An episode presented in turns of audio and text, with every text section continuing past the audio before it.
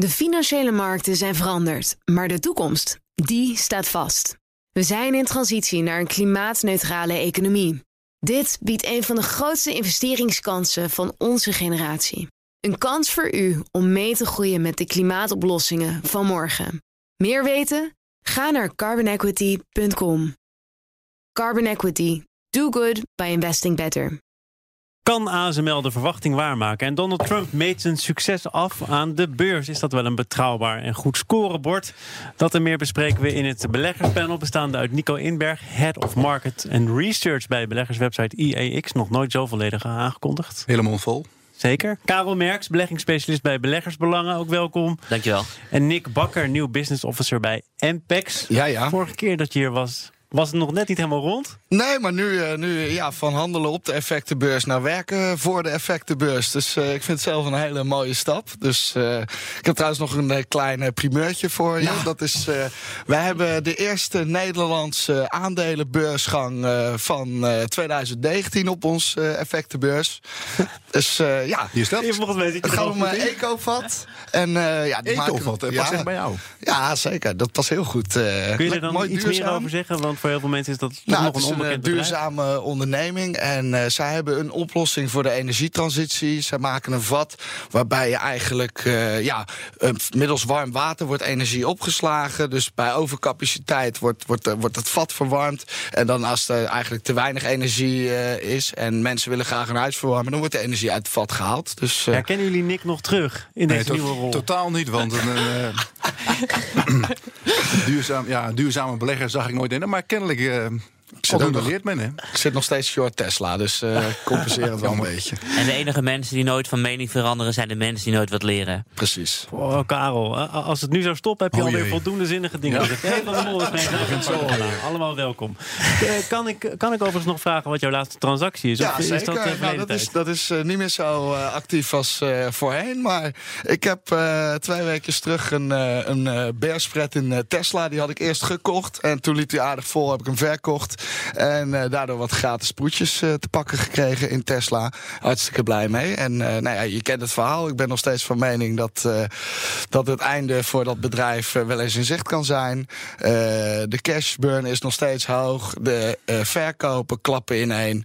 Ik denk dat het een behoorlijk giftig cocktailtje is. Ja, het is nu geen geheim meer. Sorry nogmaals daarvoor. Het is in volle openheid net besproken. Jij bent een Tesla-rijder. Betekent het ook dat je dat dan met extra interesse volgt? Of denk je, zolang mijn auto het goed doet, vind ik het allemaal best? Nee, ik vind het wel interessant. Maar ik vind Elon Musk als, ja, als tech-hero natuurlijk ook heel interessant. Vanochtend heeft hij, uh, zag ik weer een getweet... dat er 500.000 nieuwe Tesla's uh, aankomen. Ja, die gaat hij, die gaat hij produceren. Maar of hij ze gaat verkopen is natuurlijk ook een vraag. Nou ja, als de subsidie zo... Uh, nou, die is juist afgehaald.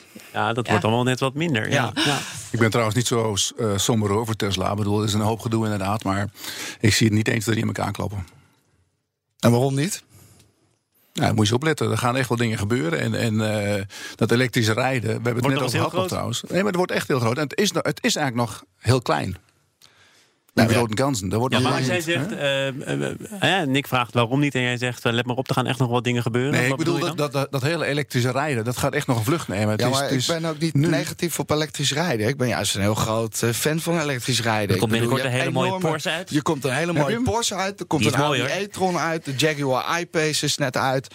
Ik denk gewoon dat, dat de bestaande autofabrikanten Tesla kunnen wegvagen. En waarom zouden ze dat niet doen? En vergeet niet dat Tesla ongeveer dezelfde beurswaarde heeft als BMW. Ja. En gaan we eens buiten de BMW stellen en de Tesla's. Ik bedoel, jij bent voor Tesla, ik pak de BMW. Ik weet denk ik nu al dat ik win. En dan betekent dus dat de volledige groei al is ingeprijsd in een positief scenario. En als het tegenvalt. Ja, ik zeg ook niet dat die andere autobedrijven auto, er niet aankomen. Maar er, er wordt nu Tesla, als je het leest op Twitter. En uh, jij doet er ook aan mee. Dat maakt verder niet uit. Maar er wordt een enorme negatieve framing neergezet op, uh, op Tesla. En niet alleen hier, vooral in Amerika. en ik denk dat dat een klein beetje, dat ze een klein beetje te veel voor de troep uitlopen. Ja, maar jij, jij, ook, maar natuurlijk. Jij kijkt altijd naar waardering. Jij bent een fundamentele belegger. Als je gewoon gaat kijken ja, naar hoeveel is Tesla waard per verkochte auto. En hoeveel is BMW waard per verkochte auto. Dat is zo dat loopt zo ver uiteen. Dat kan niet dat dat niet dichter bij elkaar gaat komen. Dat zal, dat zal ongetwijfeld gebeuren. Maar het zit ook in de groei van het aantal uh, auto's wat verkocht gaat worden. En ik denk dat dat een enorme vlucht gaat nemen nog met Tesla. hey, dooddoener, we gaan het allemaal zien. Ja. Karel, jouw ja, laatste transactie. Ik heb mijn uh, Chinese aandelen verkocht. Uh, november, december was het tip van de week in deze uitzending. Maar ja, op het moment dat je ruim 30% maakt in een aantal maanden dan moet het er gewoon uit. En het geld wat me dat heeft opgeleverd, ga ik niet opnieuw investeren. Het komt omdat ik een heel apart beursklimaat vind. Ik zal heel snel ervoor de redenen geven. Ten eerste, de wereldeconomie koelt heel snel af. Kijk naar de exportcijfers van drie landen die het van de export moeten hebben: Duitsland, Japan, Zuid-Korea.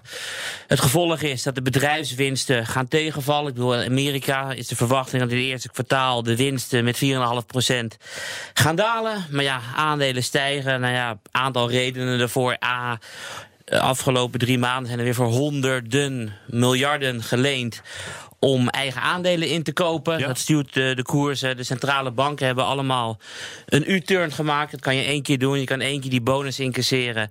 En daarna is het ook op. En als je nou kijkt in de Verenigde Staten bij bekende beleggers, dat de Wall Street Journal en de Barron's, er wordt nu MMT bediscussieerd. Dus de modern, modern uh, monetary theory. Ja. En even kort uitgelegd wat dat is. Dat is. Dat is de, de geldpers gebruiken om de tekorten van overheden te financieren. Waardoor we veel meer fiscaal kunnen stimuleren. Oftewel, alles is ingeprijsd in de koersen. Dus ik blijf rustig even op cash zitten. Niks. En ik geniet van mijn 30% op, uh, in China. En, en je zei van, uh, ja, als je 30% maakt... dan moet je er op een gegeven moment gewoon uit. Is dat bij jou een stelregel? Of het ligt eraan wat de regel is. Op het moment dat zaken werkelijk beter worden, productiviteit wordt beter, wereldhandel trekt aan, inkoopmanagers trekken aan, et cetera, et cetera, dan kan je blijven zetten.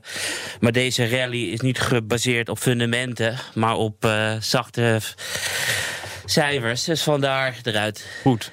Um, Nico, dit vraag ik eigenlijk nooit aan jou. Ik weet niet of de vraag op Je mag alles vragen aan mij. Maar uh, doe jij aan uh, transacties? Ja, zeker, zeker. En, uh, ik vind het wel, kijk, het is, het, is een, het is een lastige markt dus ik doe niet heel veel. We kijken nu heel erg naar achterblijvers. Hè. Dat doet de hele beurs, dat is ook het gevaar. Maar de achterblijvers die, die blijven vaak niet voor niks achter. Dus als je, op het moment dat mensen daar nu inspringen, zijn vaak aandelen met een vlekje. En eentje die ik, waar, ik, waar ik gisteren klein in ben gestapt, is het Duitse Wirecard. Daar is wat aan de hand. Er is een Zo, soort, dan, dan heb je echt lef. Een soort oorlog nou, een soort oorlogje tussen, tussen de, de FT in, Duits, in eh, Engeland. De Financial Times die heeft Wirecard aangevallen. Die zegt er zijn al allerlei malversaties geweest in hun kantoor in Singapore. En uh, nou ja, Wirecard die, uh, die ontkent dat. Die koers is inmiddels gehalveerd. En, uh, maar dat is een moment om in te stappen, toch? Nou ja, dat, kijk, dat het is wel weer 50% een, gestegen, hè? van 80 naar 120. Ja, ja, maar er is van alles aan de hand. En het is, het is ook een beetje een, een, een, een mediaoorlog. Want die, die Engelsen die zijn nu al een tijdje stil trouwens. En ik denk dat bij de, de Financial Times nu de, de advocaten ook even meekijken. Van hé, hey, wat heb je allemaal geroepen eigenlijk? En er is wel wat aan de hand. Hebben, ze hebben ook wel een gedeelte toegegeven dat er wat, dat er wat ja, gebeurd is. Ze hebben daar managers die hebben een beetje met, met, met omzet lopen, lopen rotzooien om de bonussen te halen. Maar het is wel een bedrijf wat ontzettend hard groeit. Je kan het vergelijken met Adyen. het is, zit alleen, die zit bij de hele grote jongens, bij de, de Facebooks en de Amazons geloof ik. En zij zitten wat meer bij, bij de de locals, bij de kleinere webwinkels. Maar Nick zegt hier, uh, je hebt er wel echt lef voor nodig. Hij weet dat ik lef heb, dat weet hij. Ja, nee, maar zijn collega's. Kijk, het, er is natuurlijk wat jij zegt, door die manager is gewoon fraude gepleegd. En uh, ja, ik, ik vind altijd zelf dat je, als er ergens fraude, moet je gewoon wegblijven en wegwezen. Maar ja, dat is de rand van de afgrond. Daar kunnen ook de mooiste bloempjes groeien. Dat, uh... Maar er zijn wel een aantal mensen die Nico steunen, waarvan de meest opvallende vind ik de Duitse toezichthouder. Want voor het eerst in de Europese geschiedenis heeft een toezichthouder gezegd: ik verbied het short gaan in één enkel individueel aandeel. Het enige wat we gekend hebben tijdens de financiële crisis, dat we niet meer short mochten gaan op alle banken in Europa. En nu zei de Duitse toezichthouder niet meer short op Wirecard, want er gebeuren dingen die niet door de beugel kunnen. En de Duitse toezichthouder heeft echt een hele goede reputatie. En die wil je wel aan je zij hebben. Ja. Dus het leuke is, aanstaande dinsdag, of eigenlijk aanstaande vrijdag al, maar dat kan er niet gehandeld worden. Dan loopt die, die ban die loopt dan af. Dus vanaf aanstaande dinsdag eigenlijk, is de eerste handelsdag. Dan mogen partijen weer uh, short gaan. Of het zou verlengd kunnen worden, maar dat, daar ga ik niet van uit. En uh, je, kan, je kan ook zien, hè, er zat ongeveer 14% short in dat aandeel. Die, die zitten nog steeds in. Dus die partijen die zijn blijven zitten. Dus het wordt heel interessant wat ze volgende week gaan doen. En ik denk altijd maar van, uh, kunnen heel veel partijen short zitten. Maar die, die zijn eigenlijk aan mijn kant. Want die moeten ooit weer uh, terugkopen. Dus dat zijn eigenlijk in potentie, uh, dat zijn kopers.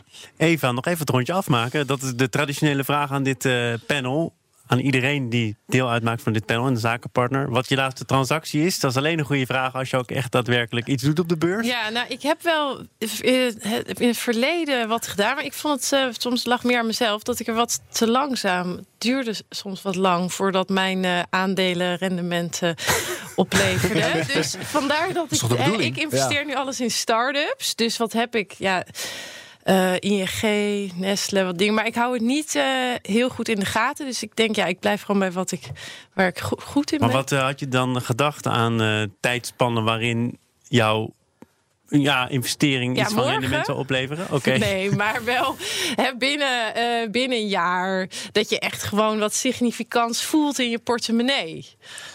Maar ja. misschien ben ik, daarom zeg ik, ieder zijn expertise. Ik denk dat. Hè, misschien Bitcoin wat voor je. Die gaan heel ja, nee, nee, nee, nee, nee. Dat, daar ben ik goed uitgekomen. Oh, nee, nee, ik koop gewoon een trekker op de wereldindex. Nee, dat duurt veel te lang allemaal. Dat maakt toch niet uit.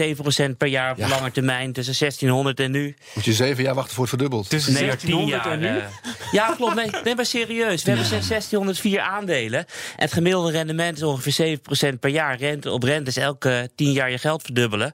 Ideaal voor je pensioen en geen risico. Want de aandelenbeurs wereldwijd is nog nooit naar nul gegaan in de geschiedenis. Ja, je kan niet zeggen dat de aandelenmarkt geen risico heeft. Op natuurlijk. de extreem lange termijn. Ja, ja dan in nog. de afgelopen 400 jaar 7 Maakt niet uit. Er is nooit een periode geweest van 20 jaar dat er een negatief rendement was op de beurzen. Ah, jawel hoor. Oeh, ja. Afgelopen, uh, afgelopen 20 jaar. Je hebt het over de AX waarschijnlijk. Ja, 701 ja, en precies, beetje. Maar ik heb het over de wereldindex. Oh, wereldwijde ja, aandelen zonder regionale problemen. En wij gaan praten over de eerste kwartaalcijfers van chipmachinefabrikant ASML. Deze week al veel besproken.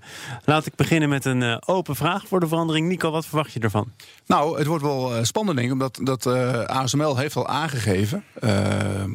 drie maanden geleden dat het eerste kwartaal slecht wordt. Ze hebben wel een, een soort guidance gegeven. Ze verwachten 2,1 miljard omzet. Uh, we zien ondertussen dat die aandelenkoers niet alleen van ASML, maar van alle chipbedrijven hard opgelopen is weer. Maar Heel met kort, name waarom ASML. zou het slecht gaan met ASML? Ze hebben zelf al die waarschuwing gegeven. Wat ja, zit nee, erachter? afgelopen jaar was er, was er een, eigenlijk een soort vertraging in die hele chipmarkt. Hè. De, de, de, met name de automobielsector, maar ook smartphones. Er werden minder uh, besteld.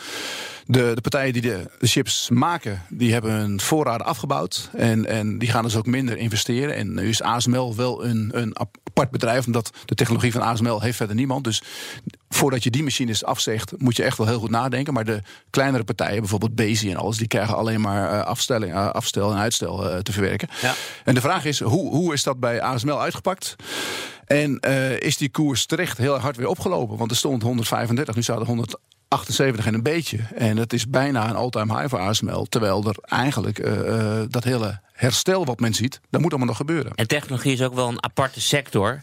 Want het gaat er niet zoveel om wat er nou gebeurd is in het afgelopen kwartaal. Beleggers reageren tegenwoordig veel heftiger voor de rest van de vooruitzichten voor 2019. Dus ook al was het kwartaal dramatisch, als ze zeggen van ja, de chipmarkt gaat weer omhoog in de tweede helft van het jaar, dan beleggers ook door enthousiast. Dus bij technologie kijk niet naar de cijfers, maar kijk naar de vooruitzichten. Ja, de outlook. De outlook wordt het belangrijkste bij ASML. Als zij gewoon, bij elk technologiebedrijf. Uh, bij elk technologiebedrijf is eigenlijk de outlook het belangrijkste. Ja. Maar dit kwartaal bij ASML zal dat uh, zeker van doorslag Wij hebben zijn. het hier op de radio natuurlijk hartstikke heigerig allemaal media vooral gehad over de brand bij een toeleverancier. We hebben het de afgelopen dagen ook gehad over die bedrijfsspionagezaak. Spionage door China. Ja. Maar dat, dat was wel raar, die spionage. Daar hebben ze zelf helemaal niks over gezegd. Nee. En het gaat om enorme bedragen, want het FD had het uitgezocht. Ik ben er toevallig afgelopen, niet toevallig, maar afgelopen week ook wel ingedoken. En die, die uh, ASML zelf heeft niks gezegd, maar het advocatenkantoor van ASML in, in, in Amerika, die, die heeft het echt van de daken geschreeuwd in november en december. Dat kan je allemaal vinden op internet. En dat, dat gaat om... ASML ook, hè? Wij zijn niet verplicht ja. om er iets over te zeggen, maar als je je best doet, dan kom je van alles tegen. Ja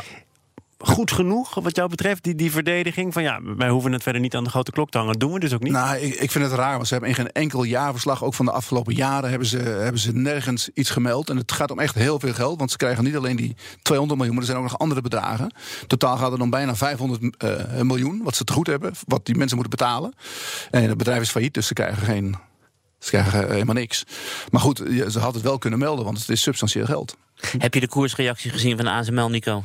Ja, die ging een paar procent omlaag of zo. Dat, dat was het. En nu is het weer bijna ingelopen nee, volgens niet, mij. Dus er werd ook niet echt op gereageerd of zo. Maar ik vind wel, kijk, je kan in een jaarverslag kan je toch wel allerlei dingen uh, terugvinden. En dat, dat hele bedrijf, dat, dat, er is helemaal niks van te vinden. Ja, vooral als je natuurlijk weet welke mensen erachter zitten. Nou ja, kijk, het wordt nu. Het, het, het, het past ook een beetje in het politieke plaatje wat je nu ziet. Want de Amerikanen en de Chinezen die hebben ruzie over die, die eh, intellectuele eigendommen. In Europa proberen ze ook Huawei bijvoorbeeld de, uh, aan de kant te drukken. Nou, daar past dit ook weer mooi in. Want uh, oh, de Chinezen, dit en dat. Dus op die manier wordt ook een beetje gebruikt. Maar ASML heeft, die, die ziet het meer als een, een, een ja, bedrijfsspecifiek geval. Dat daar een paar Chinezen eh, nou, dat hangt er een beetje vanaf. Ze hebben twee verklaringen afgegeven. Eh, Paul Koster zegt er ook iets over van de VEB, de Vereniging Effectenbezitters. Die zegt het is rommelig. In de eerste verklaring kunnen we lezen dat het enorm hoog wordt opgenomen en dat er allerlei maatregelen zijn getroffen om dit soort zaken in de toekomst te voorkomen. En dan komt de tweede verklaring. Ja, dit is een uh, zaak van uh, wat oud-werknemers die we misschien niet te veel ruimte hebben gegeven. Vreemd. Er is geen complot met China. Kun je zeggen, Nick, dit, dit, dit verloopt in ieder geval qua communicatie wat rommelig en onvolledig? Oh, dat, is, dat kun je wel zo stellen, ja.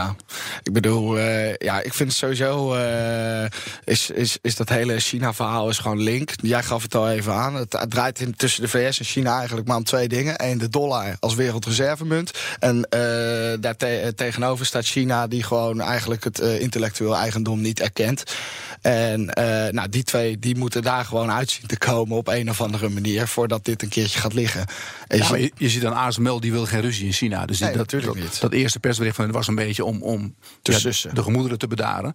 Toen dachten ze bij hey, verrek, we moeten geen ruzie hebben met de Chinezen. Want dat wordt hun, ze halen nu al uh, van mij 19% van de omzet in China. En de, de, Chinezen die gaan heel veel investeren in die markt. En die moeten die machines van ASML gewoon kopen. Ja, dat is een, nieuw paradepaardje. De EUV of EUV-machines, zoals sommige mensen dat zeggen.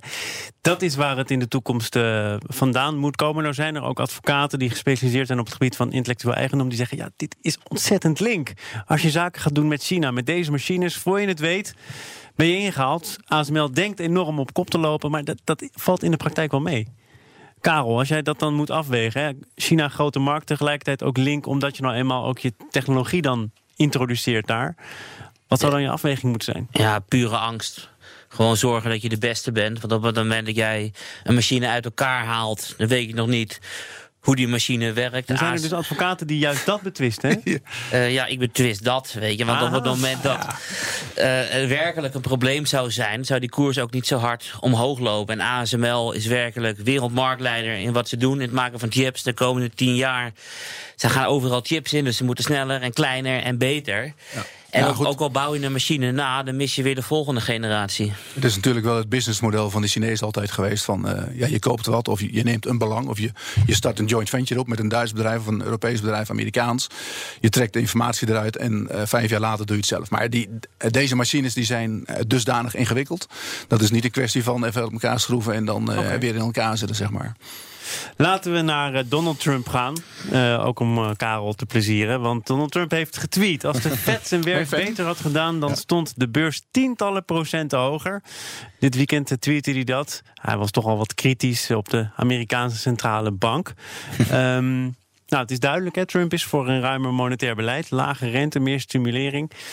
Reden voor beleggers om te juichen, Karel? Ja, natuurlijk.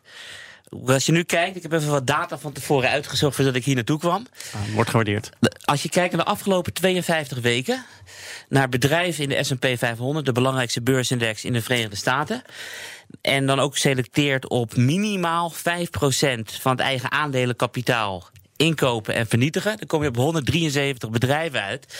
De bedrijven die het meeste inkopen zijn eh, Apple, Cisco, Oracle en Starbucks. en ze hebben respectievelijk 25, 48, 33 en 44 procent gehad over de afgelopen 12 maanden. Dus hoe meer eigen aandelen je inkoopt, hoe hoger de beurs. En vanwege de belastingkortingen en andere maatregelen houdt het Amerikaanse bedrijfsleven meer geld dan ooit over.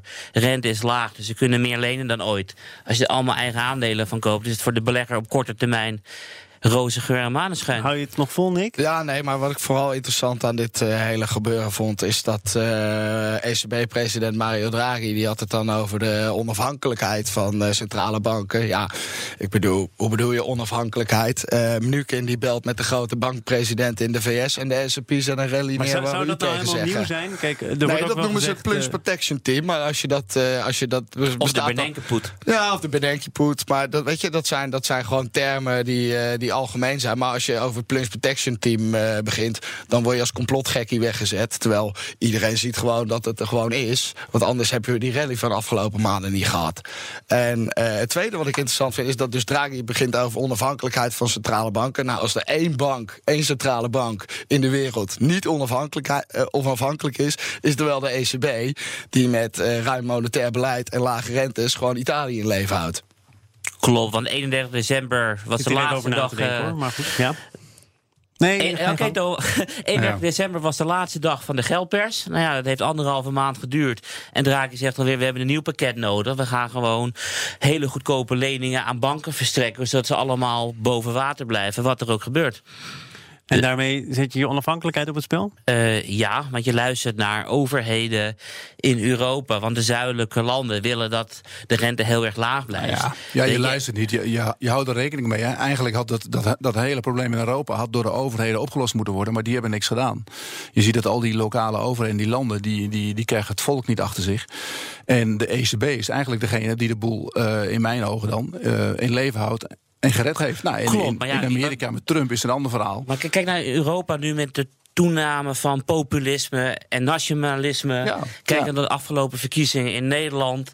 Uh, hoe meer je de economie beïnvloed door de rente op nul te houden, hoe meer de middenklasse onder druk komt te staan, hoe meer wij gaan stemmen op populistische ja, dat en is nog, Dat is nog maar de vraag, partijen. want de werkloosheid is nog nooit zo laag geweest als nu. Dus eigenlijk, uh, je gaat maar naar buiten, proberen een baan te krijgen. Als ja. je iemand aankijkt, dan heb je een baan. Ja, waarom wil dan niemand op uh, middenpartijen stemmen in Nederland? Nee, maar, sorry? Waarom wil niemand in Nederland meer op middenpartijen stemmen? Ja, dat is een hele andere discussie. Dat, dat moet je een Cherry vragen, dat weet ik niet. Nee, maar jij, jij, jij begint over, over de werkloosheid is zo laag en noem maar op. Maar ga dat eens tegen die Duitsers vertellen. Die twee, twee mini-jobs heeft van 500 euro in de maand. Die uh, maar moeite heeft rond te komen. Die geen Luister, dan moet je in de bouw gaan werken. Daar worden enorm hoge bedragen betaald. Ja, dat is echt wel. werk zat. Ik weet niet hoe je erbij komt. Maar dat is echt werk zat. En ja, zeker in Duitsland. Ja, zeker. Maar dat, uh, dat moet je wel ZZP'er dus worden als je goed wil verdienen. Het hele verhaal van... Kijk, als je hebt over de middenklasse, die loopt te klagen. Dat weet ik allemaal niet. Waarom ze niet op die, die, die middenpartij de gele hesjes in Parijs. Maar je kan, je kan niet zeggen dat het economisch uh, ja, niet goed gaat. En in Amerika is het andere verhaal. Kijk, we hadden het over Trump. Hè. Uh, die, wil, die wil graag dat, dat de rente omlaag gaat.